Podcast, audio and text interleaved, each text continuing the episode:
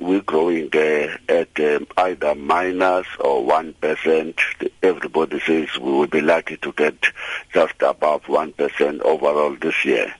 If you look at the, at the, at the extent of our debt, our indebtedness, if you look at our balance of, of payment, if you look at the, uh, of, uh, of, if you look at uh, what is happening in the manufacturing sector, which is basically uh, dis- being disseminated.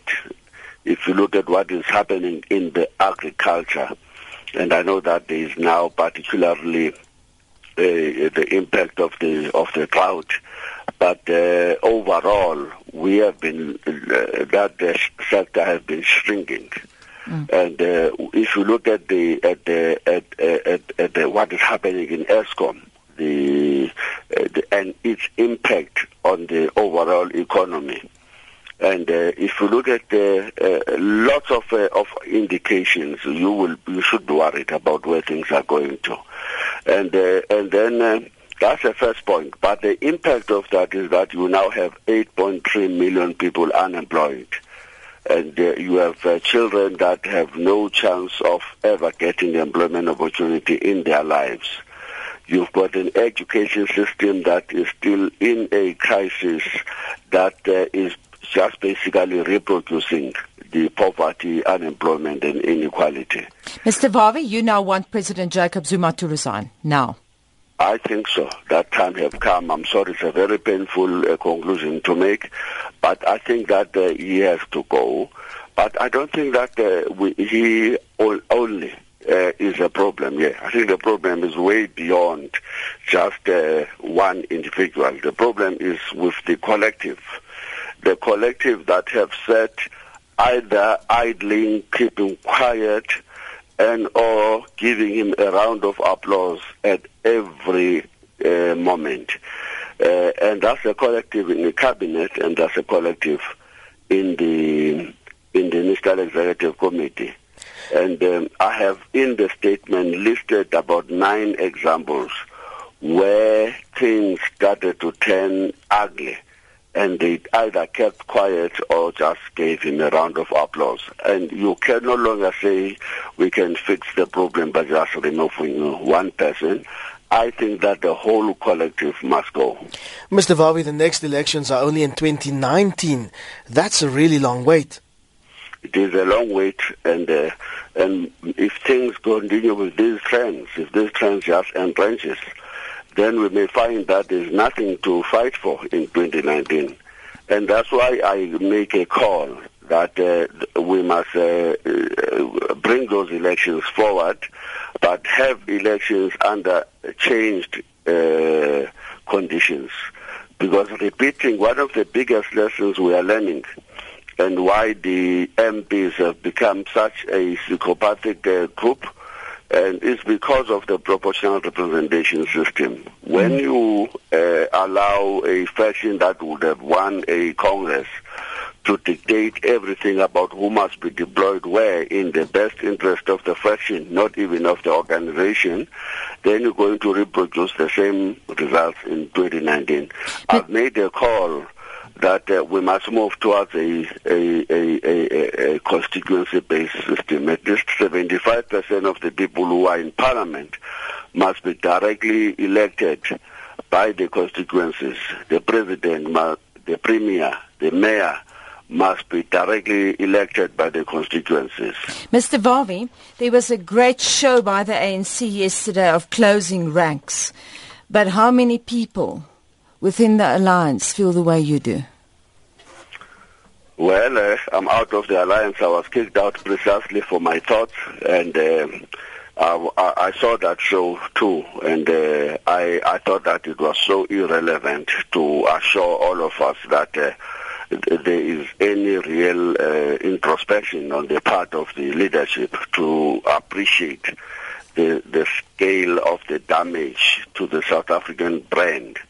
And um, frankly, it was all about, yet again, uh, our president is a great leader. He has taken bold decision by removing a finance minister without any reason, and uh, and we give him a round of applause. That's what that press conference was about. As disappointing as that uh, NEC would have been, when it either kept quiet uh, or give the president a round of applause when he said the ANC comes first is more important than the than the country.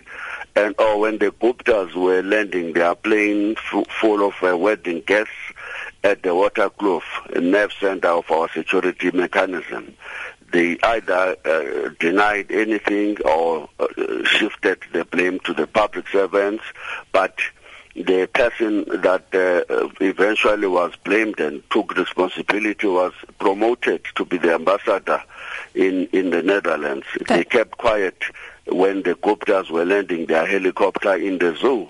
And uh, they, they, they, when when Nkandla was happening, they gave the president a round of applause when Mr. he was Vavi. laughing South Africa off. Thank you very much.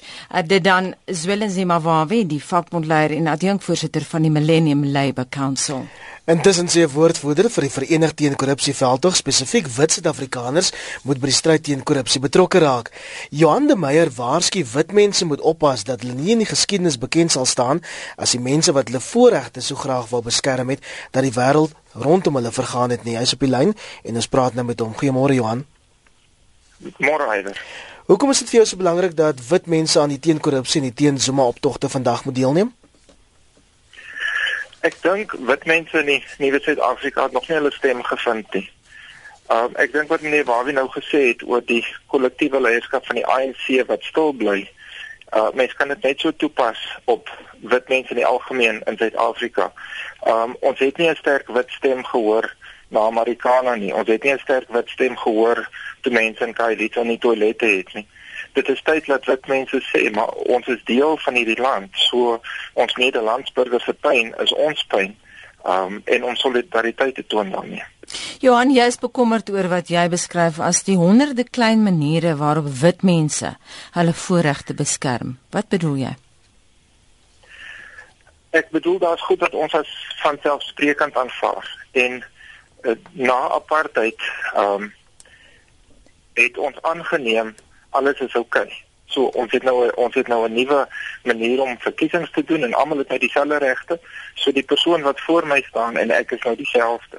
En ons vergeet die storie wat agter daai persoon staan. Ehm um, eenvoudige goedjies soos ehm um, ons maak ons kinders groot met 'n verwagting dat een of twee kinders het 'n kamer. Spasie is so 'n relatiewe ding in Suid-Afrika Ehm um, daar's huise in Kailicha waar die huise letterlik so naby mekaar is dat die vensters nie kan oopmaak nie.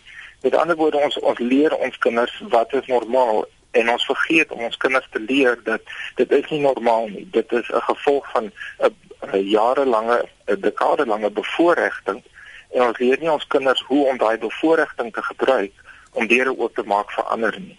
Um en die die uiteinde van al hierdie klein goedjies wat ophoop is uh, maar net laat ons laer trek om onsself sodat ons in ons woonbuurte veilig kan kan voortgaan sonder dat die die harde realiteit van die meeste Suid-Afrikaners um inbraak maak op op ons siger. Johan baie kortliks, het jy 'n paar praktiese wenke oor hoe gewone mense na optogte soos vandag se hulle samehorigheid kan wys? Punt nommer 1 kom optog toe en vat hande met mense en wys in die openbaar dat um dit vir jou saak maak. Maar as jy huis toe gaan na die optog, gaan doen ondersoek. Um maak jou lewenstyl um accountable uh, aan swart en bruin vriende. Maak vriende. Vra vir hulle as ek so en so en so maak, hoe word dit geïnterpreteer? Um maak vriende in onwaarskynlike plekke. Moenie inspring om te help voordat mense jou nie nooi nie. En dan die obvious goeders um, gaan dink mooi wat betaal jy die mense wat vir jou werk? Of jy besigheid het en of dit 'n huishulp of 'n tuinier is. Um of is ons maar net so bly dat ons 'n tuinier kan kry wat ons so min as moontlik betaal? Of is ons regtig besig om met alles in ons lewe geregtigheid te bring? Want op die ou end al hierdie klein goedjies vir my is 'n is 'n vorm van korrupsie. As ons nie 'n 'n 'n land en 'n gemeenskap bou wat regverdig is vir almal. Baie dankie Susie Johan de Meyer, is 'n woordvoerder vir die Verenigde teen Korrupsie veldtog.